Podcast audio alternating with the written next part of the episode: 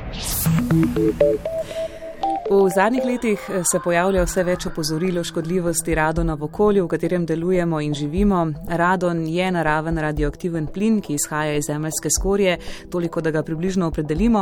Ob sevanju iz vesolja je eden od glavnih krivcev za sevalne obremenitve, ki smo jim izpostavljeni, ob čemer se premalo zavedamo, da se v številnih stavbah kopiči v prekomernih količinah, ki so ob dolgotrajni izpostavljenosti lahko tudi škodljive. V studiu zdaj pozdravljam dr. Tomaža Šuteja z uprave za varstvo pred sevanji, ki nam bo v nadaljevanju tele odaje pojasnil nekaj več o radonu, pa tudi o tem, kako ravnati, recimo, če v prostorih, kjer se zadržujemo, izmerimo prevelike količine radona. To naše poslušalce gotovo zanima. Najprej dober dan, lepo dober pozdravljeni. Dan. Torej, če poveva takole na kratko, kako radon zaide v naš dom oziroma v službene prostore, razpadni produkt česa je. No, zdaj, preden odgovorim, bi vse en mečken popravil. Radon z njegovimi kratkoživimi potomci je kar glavni eh, vir sevanja oziroma sevalna obremenjenost ljudi, veliko večja kot od kozmičnih eh, uh -huh. žarkov. Zdaj, radon je naraven, žlahten plin, radioaktiven, pride v naše okolje iz zemeljske skorje. Tam je kar nekaj delov ali pa atomov urana. Uran ima razpolovni čas milijarde let in potem eh, nastanejo njegovi razpadni produkti. Eden od njih je ta radij 226, ki je neposredni predhodnik radona. In radon je edini plin in zato lahko prodre iz eh, globin ali pa iz površine zemlje v naše prostore skozi razne razpoke, tla, če so prepustna, potem kakšne odprtine, jaške in podobno. Mhm. Zdaj začela sva kar precej uh, fizikalno, torej, ampak vendarle je dobro, če res pojasniva torej, te uh, osnovne karakteristike. Če se ne motim, v bistvu radon kot tak, ne glede na to, da ste prej rekli, ne, da je glaven krivec ne, za našo izpostavljenost radioaktivnim obremenitvam v, v okolju, ni največji problem, ne, ampak so v bistvu problem njegovi razpadni produkti, kajti radon hitro razpade, tisto, kar pa sledi potem iz njega, tisto je težava. No, uh, radon je plin in ga vdihnemo in izdihnemo. Zato ga samo majhen del razpade v pljučih. E, težava so pa njegovi kratkoživi potomci, namreč on razpade v radioaktivni poloni, ta dela veliko škodo Podobno potem nastane bizmut 214, še pred njim je svinc 214, to so te težki izotopi, kratko živi in oni plavajo, lebdijo, se skupaj gibljajo z zračnim tokom in to vse mi vdihavamo in oni v glavnem povzročajo sevalno obremenitev celicam v pljučih. Kolikšne pa so tiste referenčne oziroma mejne uh, varne vrednosti, dokot smo lahko radono še izpostavljeni? Govorite o enoti bekerel na kubični meter. Ja, ne? to je število razpadov v eh, sekundi. Uh, Evropa je določila 300 bekerelov na kubični meter kot recimo opozorilno vrednost, vendar popolne varne vrednosti ni, ker zdaj tisti raziskovalci, ki pljučne rake primerjajo z radonom, ugotavljajo, da tudi statistično pri 200 bekerelih nekaj odstotkov več ljudi umre za pljučnim rakom. Tako da eh, popolne varnosti ni, ker pač na ključja v celicah eh, so tudi pri 100 bekerelih na kubični mhm. meter. Ja, kajti ravno Svetovna zdravstvena organizacija je leta 2009 kot tisto referenčno vrednost, ne sicer ne zakonodajno nujno, postavila 100 bekerelov, ne mi ja. imamo precej višjo. Oni so uh, za cel svet, ne Svetovna zdravstvena organizacija, seveda Brazilci, Afrika, osrednja ta Azija, ki je subtropska ali pa celo tropska, oni nimajo težav. Težave smo eh, pač Severna Amerika, ZDA, pa Kanada in eh, vsa Evropa, predvsem zahodna. Eh, mi imamo hladnejše podnebje in rabimo pač zgradbe, bolj masivne in toplotno izolirane, in smo bolj zaprti, in seveda ne moramo mi na 100 bekerelov spraviti brez ogromnih stroškov radona. Ne? Praktično, če bi mi postavili mejo 100, bi morali sanirati vsako drugo stavbo. Mhm, toliko so torej nevarne oziroma ja. niso ravno neoporečne. Še tole, dr. Tomaš Šutej, razčistiva v tem prvem delu pogovora, um, kakšna je razlika recimo med sevanjem, ki ga povzroča radon, pa elektromagnetnimi sevanji, naprimer zaradi telefonov, električnih ali pa kakšnih drugih telekomunikacijskih naprav v našem okolju, o čemer se pa zadnje čase veliko govori. Ja, zelo velika. Osnovna beseda različna je ionizacija. Ne? Se pravi, ti radioaktivni delci imajo tol, sprostijo toliko energije, da so sposobni eh, ionizirati atome in molekule. Pomen elektron uh, odbije ven. Medtem ko uh, sevanja, ki ne ionizirajo, to so pač mikrovalovi, pa samo segrevajo, vzbujajo atome, s tem segrevajo recimo naša ušesa ali pa možgane. Tako da imamo pač počutje slabše, ampak ko nehamo telefonirati, se spet ohladimo. Ne? Ja, torej je ionizirajoče sevanje absolutno uh, nevarnejše in kot bomo slišali v nadaljevanju, je izpostavljenost radonu neprimerno bolj problematična od izpostavljenosti elektromagnetnemu sevanju. Povezava med obolevnostjo za rakom in radonom je dokazana, nam je potrdila vodja epidemiologije in registra raka na Onkološkem inštitutu, profesorica Vesna Zadnik. V slovenskem prostoru na Onkološkem inštitutu se opiramo na mnenje Mednarodne agencije za raziskovanje raka iz Liona. To je posebna agencija Svetovne zdravstvene organizacije, ki se ukvarja z rakom. In ta agencija je že leta 1988 opredelila radon kot gotovo rakotvoren. Se pravi, razvrstila ga je v skupino ena med gotovo rakotvorne snovi. In sicer ga povezujemo z nastankom pljučnega raka. Pljučnega raka v največji meri sicer povzroča kajenje. Vendar je radon med temi dejavniki tveganja takoj na drugem mestu. Kar se je pa treba zavedati tukaj, je pa to, da se tveganje kadilca, ki je izpostavljen radonu, pravzaprav ne sešteva, ampak se množi. Tukaj imamo ta multiplicirajoč eh, učinek. Zdaj, kakšni so deleži med vsemi, ki zbolijo za pljučnim rakom, ki jih moramo uh, pripisati v bistvu izpostavljenosti radonu v Sloveniji, uh, ta trenutek ne vemo. To vrstne epidemiološke raziskave še nismo pripravili. Uh, vemo, da so na področjih, ki so bolj izpostavljene sevanju radona, predvsem v jugovzhodni Sloveniji, kjer vemo, da imamo to sevanje bolj iz uh, tal, Eh, da so po rutinskih pregledih podatkov z registra raka tudi več zbolevajo ljudi za rakom na pljučih. Zdaj, kot rečeno, ali je to zaradi um, kajenja ali kakšnih drugih dejavnikov ali izpostavljenosti radona, tega nismo analizirali. Eh, bi pa bila verjetno taka raziskava primerna, saj je pljučni rak pravzaprav eden od najpogostejših rakov v uh, Sloveniji, 1500 približno ljudi zboli letno za tem rakom in če se vrnemo nazaj na tiste deleže, ki pa vemo, da so v Evropi nekako med 5 in 15 odstotkov vseh pljučnih rakov ne bi pripisali radonu, potem vidimo, da v Sloveniji verjetno imamo vsaj 100 bolnikov letno, ki najbolj zbolijo za pljučnim rakom zaradi izpostavljenosti radonu. Doktor Šutaj, kako dolgo pa v bistvu moramo biti izpostavljeni povečani količini radona, da se s tem recimo ogrožamo zdravje? Ja, kar eh, desetletja, pa seveda, če je dvakratno naravno ozadje, še ni tako kritično, kot če je desetkratno ali pa celo stokratno naravno ozadje. Kako pa je s kadilci? Skadivci so pa posebna skupina in tukaj eh, ponavadi strokovnjaki, ki se s to problematiko ukvarjate, najbolj žugate kadivce. Ja, ta kombinacija radona kot recimo mikrojedrskega izstrelka teh alfa delcev plus kemičnih dejavnikov, nikotina oziroma druge snovi, ki so rakotvorne, to je tako kot topništvo in pehota. Ne? Kemija je pehota, topništvo so ti alfa izstrelki in velikansko škodo vzajemno delajo celicam. Torej, so kadilci, če še enkrat povzamem tudi besede doktorice Zadnikove, res izrazito ogrožena skupina tukaj, ne? Ja, te angliške raziskave 25 krat bolj tvegajo kadilci od nekadilcev za pljučnega raka. Ne glede, a imajo normalen radon ali pa ga imajo velik. Ampak težava je ravno ta manjšina, ki ima istočasno veliko radona, pa istočasno kadi. Ta skupina celo več rakov pridobi, kot pa uh, nekadilci z radonom. Mhm.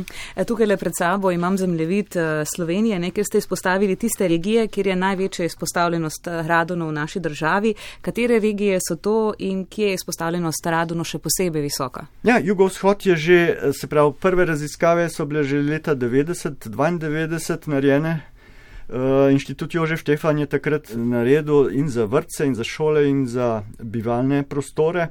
Tak zemljevid in takrat smo že ugotovili, da je jugovzhod Slovenije dejansko bolj obremenjen, pa posebej kras, se pravi ta sežanski konc, seveda Idrija. Zdaj, Kakšna tla so tam, zakaj ti konci? Uh, kras, kras je zelo propusten, potem seveda iz globin radon z lahkoto prodira proti površju. Kočevje ima rudnik, bivši rudnik rjavega premoga je že v sami zemlji več urana in s tem tudi radona, tako da nekatera tla so bolj bogata s tem plinom in seveda, če je hiša slabo narejena, ni izolirana, potem tudi večji del tega radona pride skozi tla. Ne. Pa so za te občine oziroma za te regije se za nje vodi kakšen specifičen program, naprimer ozaveščanja meritev? Ja, no, eh, vzgojno-varstveni zavodi to traja že od samega začetka, že več kot 25 let. Medtem ko leta 2018, ko smo sprejeli novo zakonodajo, smo pa končno vključili tudi in tudi pridobili nekaj finančnih sredstev, zato da smo zdaj začeli sofinancirati tele meritve v teh občinah, ki so jih geologi in tudi eh, strokovnjaki iz inštituta Jožef Šefan, oni so nam pomagali narisati ta zemljevid po občinah, tako da smo 24 eh, občin eh, zdaj rdeče pobarvali, tam je pač veliko večja verjetnost, da najdemo težavo z radonom. No, in uh, teh 24 občin zdaj sistematično pregledujemo, tako da vsako leto damo uh, denar eh, Zavodu za varstvo pri delu kot poblaščeni inštituciji za meritve, da naredi 480 meritev po teh občinah.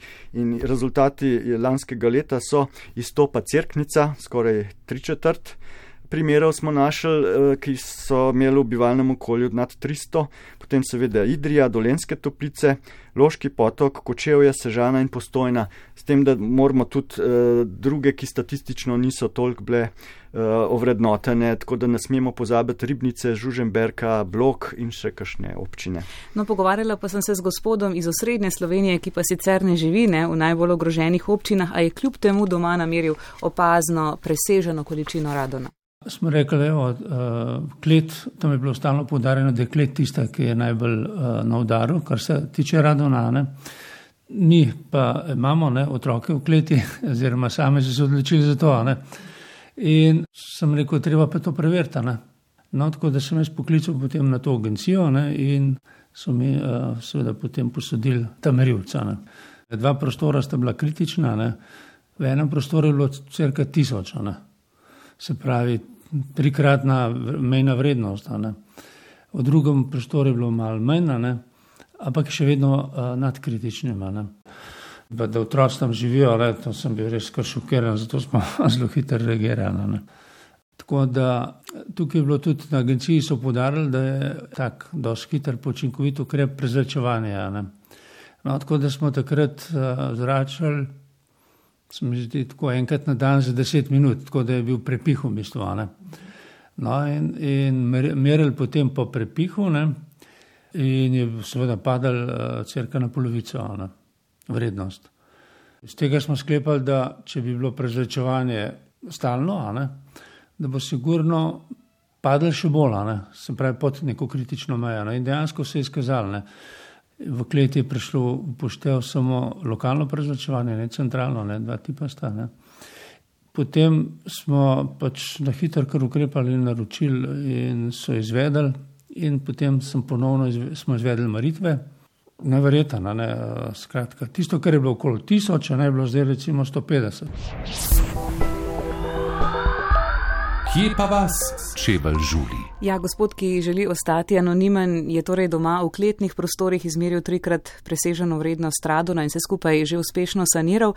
Preden preideva k sanaciji, dr. Šutaj, povejva še nekaj več o tem, v katerih delih stavb ga je največ, na kaj naj bomo najbolj pozorni. Ja, dejansko ga je v kleteh in nepodkletenih pritličjih največ. Ne? Se pravi, nekateri eh, stavbe imajo tudi, eh, pač nimajo kleti in iz tistega dela tudi skozi tla pride radon skozi razpoke, odtoke, napeljave, potem eh, pomembni so viri eh, te eh, stiki zidov in tav, ker niso dobro izolirani, tudi recimo razne letve neč ne pomagajo, tudi skozi omet lahko gre ali pa skozi opeko, skozi beton, tako da radon res po, po vsot prodira. Pa se ga da zaznati, naprimer, lahko nekdo poroča o slabšem počutju? Ne, žal, uh, samo z meritvami, to je zelo fizikalno, se pravi, te snovi v zraku ni, recimo, da bi ga lahko stehtali v nano ali pa pikogramih, to so posamezni atomi in uh, naš organizem ne čuti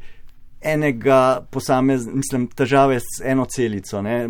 ne. Uh, imam pa tudi še eno vprašanje poslušalke, neki pa jo zanima, če nam lahko radon škoduje, če je naprimer v pitni vodi ali pa v vodi, ki obdaja naša domovanja. No, uh, veliko meritev je bilo tudi upravljenih v pitni vodi. Slovenija ima na srečo tako, eh, kako rečemo, živo vodo, sprav, stalno se pretaka, tako da ima zelo malo radona. Radon je plin in gre hitro iz vode.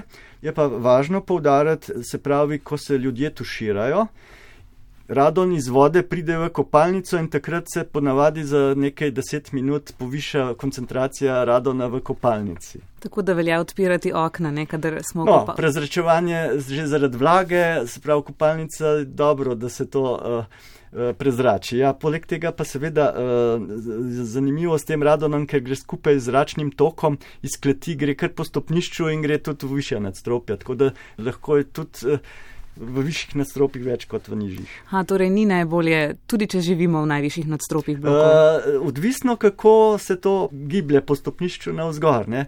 Če ima zrak prosto pot, potem pobegne. Če se pa nakopiči pod stropom, ne, skupaj s toplim zrakom, se pa seveda v zadnjem nadstropju tudi koncentracija radona poveča. To smo videli v Knežaku v šoli, ko je v telovadnici, v avli na sredini stavbe, bilo v prvem nadstropju več radona kot pa od spodaj. Od spodaj pač svež zrak prišel, te zgornji se je pa nabiral, pa se ni mešal. Ne? Ja, ne le domovi in prostori, kjer delujemo s problematiko radona, se je v Sloveniji spopadalo že kar nekaj šol, ne vi ste omenili ravno kar šolo Knežak. Pred nekaj dnevi sem obiskala šolo, ki leži v prijetnem zelenem okolju Frankovega naselja v Škofi Loki, je kar velika, saj ima skupno 807 učencev in človek nikakor ne bi posumil, da so bili v njej učenci izpostavljeni občutni radioaktivni savalni obremenitvi. Zdaj le bo nekaj povedala ravnateljica Karla Krajnik. Ja, um, na naši šoli smo izvedli toplotno sanacijo zgradbe, tako matične šole, kot pa tudi podružnice. In ravno takrat, ko so se zaključovala dela za to toplotno sanacijo, smo v medijih zasledili novico, da je na eni od slovenskih šol ravno po tej sanaciji bila ugotovljena povečana količina radona. Zato nas je začelo zanimati, kako je s tem pri nas. Opravili smo meritvi tako na matični, kot tudi na podružnični šoli. In na podružnični šoli so bile vredno, izmerjene vrednosti tam nekje okrog 350 bekerelov na kubični meter, na matični šoli pa v enem delu učilnic na jugovzhodu stavbe okrog 1000 bekerelov na kubični meter. Ko smo dobili uh, izračune in odločbo, da je potrebno opraviti sanacijo, smo o tem obvestili občino Škofja Loka in v poletnih počitnicah smo v sodelovanju z Zavodom za gradbeništvo začeli z sanacijo. Narejeno je bilo tako, da so bile speljane cevi, na koncu pa nameščen ventilator, ki je pač odvajal ta uh, zrak ven iz učilnice. Uh -huh. In zdaj ponovne meritve, kaj kažejo? Ja, zadnje meritve smo dobili v uh, avgustu 2019 in so potrdile, da je bila sanacija uspešno izvedena. Uh, namreč vrednosti, ki so bile izmerjene, so bile bistveno nižje kot uh, takrat pred, pred sanacijo in sicer so bile te vrednosti okrog 130 oziroma 60 bekerelov na kubični meter. Ja, kot mi je povedala ravnateljica Karla Krajnik, so se sanacije oziroma sploh meritev na začetku lotili, ker so to, to vrstna opozorila zasledili v medijih. Eh, so glede rado na dr. Šutej to vrstne ustanove odvisne same od sebe ali obstaja kakršnakoli višja inštanca, ki bi vodila nadzor in jih usmerjala k spremljanju te problematike? No, višja inštanca je naše ministrstvo za zdravje, pa naša uprava za varstvo predsevanja, ki pač pristojna za to področje v bistvu mi že tako rekoč od leta 90 eh, spremljamo in spodbujamo, naj se eh, temu področju nameni več eh, pozornosti. No, uh, en korak naprej je bil narejen takrat, ko se je prvi zakon, preden smo se učlanili v Evropsko unijo, takrat se je prvič uh, v zakon radon v bivalnem okolju omenjal in tudi te programi. No, in leta 2006 smo začeli s sistematičnim tem programom, sicer v mehkih zneskih, tako da smo lahko nadzorovali le tiste najhujše primere, ki smo jih našli pred 20 in več leti. Da, Ampak zdaj je trenutno stanje. Stanje je vsaj petkrat boljše, zato ker smo na podlagi novega zakona in nove uredbe eh, pridobili proračunska sredstva v petkrat višjem znesku, tako da tudi lahko petkrat več meritev naredimo, poleg tega eh, razne zgibanke. Eh, brošure, predavanja. Bi da, lahko rekli, da so najbolj kritične šole zdaj preskrbljene? Uh, najbolj kritične ocenjujemo, da so, samo zdaj moramo pač ponoviti še tista območja, ki do zdaj niso prišla na vrsto. Zdaj trenutno sta na vrsti Koroška in Gorenska, potem se bomo pa naprej pač v okviru finančnih sredstv še na Savinsko dolino in na na Mariborsko, tako da bomo celo Slovenijo v nekaj letih pokrili. Za prebivalce sem pa že omenil, imamo pač en eh, program 480 meritev na leto po teh občinah, če prostovoljcev ne bo dovolj, bomo pač eh, tudi prostovoljce eh, po drugih občinah nabrali. Slišali smo, da je bil pri šoli eden od povodov delna prenova poslopja, pa ustajajo kakšni gradbeni standardi, ne, tudi za zasebnike, ne, ki gradijo, si postavljajo svoje, svoje bivališča, ki bi gradbince usmerjali v ustrezno gradnjo. Ne. Vse gradbinci ja. danes dovolj zavedajo nevarnosti ja. radona, ne, vso, o, o, izvedajo tukaj vse ustrezne korake. No, mi ocenjujemo, da se še ne zavedajo dovolj, ampak napredujemo. Zdaj vidimo vedno več literature, vsaj tista napredna gradbena podjetja tudi vključujejo problematiko radona. Kakšen bo pa nov pravilnik ali pa predpis, kako naj pa gradbeniki eh, gradijo. To pa zdaj trenutno je na Ministrstvu za okolje in prostor, pripravljajo osnutek in naša uprava bo to pregledala in skupaj eh, smo po zakonu dolžni, da to v enem doglednem roku pripravimo. Še tole, že več čas govoriva o nekakšnih merilcih, pa poveva še to eh, natančno oziroma čisto tudi praktično, kje lahko poslušalec, ki nas zdaj le posluša, ki ga ta problematika zanima, dobi merilnik, kako se postavi v vrsto. Ja, zdaj eh, največkrat ali napišem elektronsko sporočilo v naša GP, URSVS. Se pravi, URSVS je naša kratica, tako da tam preko glavne pisarne sodelavka vodi seznam in potem eh, pač imamo 60 merilnikov, ki stalno krožijo in za okrog dva meseca si lahko stranke sposodijo in potem eh, zmerijo, če jih skrbi. Tako da potem se odločimo, kako bomo naprej, glede na izide. Je pa kar popraševanje potem, ne? Je eh, veliko. Lansko leto, januarja, rekel sem 480 meritev smo iz proračuna ponudili, tisoč popraševalcev je bilo, tako da Zavod za varstvo pri delu ni mogel takoj ustreči eh, strankam. E, tako, če počasi skleneva in če bo kdo torej v prihodnih mesecih čakal na ta merilnik, čakal na rezultate, kaj pa lahko stori med tem časom, kaj lahko storimo vsi? Prezračevanje je tisti osnovni pomožni ukrep, kar je že eh, eden od vaših eh, sogovornikov povedal. Prav, čez noč ponavadi radon zelo naraste in ko zjutraj ustanemo, vsaj osebno grem eh, odpreti v kleti eno okno, pa na podstrešju ta drugo, oziroma vrata na podstrešju, tako da prezračam vso klet in celo stopnišče. Je pa treba izmenjati zrak, se pravi temeljito prezračati, da, da res dobimo zunanji zrak, ki ima zanemrljivo vrednost potem, uh, preden začnemo uporabljati, se pravi v vrtcih, pač hišniki in vzgojiteljice, snažilke mogoče uh, odprejo, preden otroci pridejo. Potem pa seveda eh, paziti je pa treba na vreme. Tukaj v Ljubljani so tudi dobil vprašanje, če imajo pa PM10 delce, ker ne smejo otroci tega dihati, takrat pač kasneje odpre, ker pač megla zgine. Ne. Vsekakor pa tudi v zimskih mesecih, ne, ko se bolj zapiramo, ko okna bolj tesnijo, pazimo na to, da se tudi sami fizično dovolj zadržujemo v naravi, dihamo dober zrak. Vsekakor, vsekakor tako. Hvala vam za pojasnila in upava, da sva nagovorila kakšnega od poslušalcev, tudi, da bo preveril svojo vsakdanjo izkušnjo torej z radonom. Tudi vam hvala za povabilo. Kje pa vas, če vas žuli?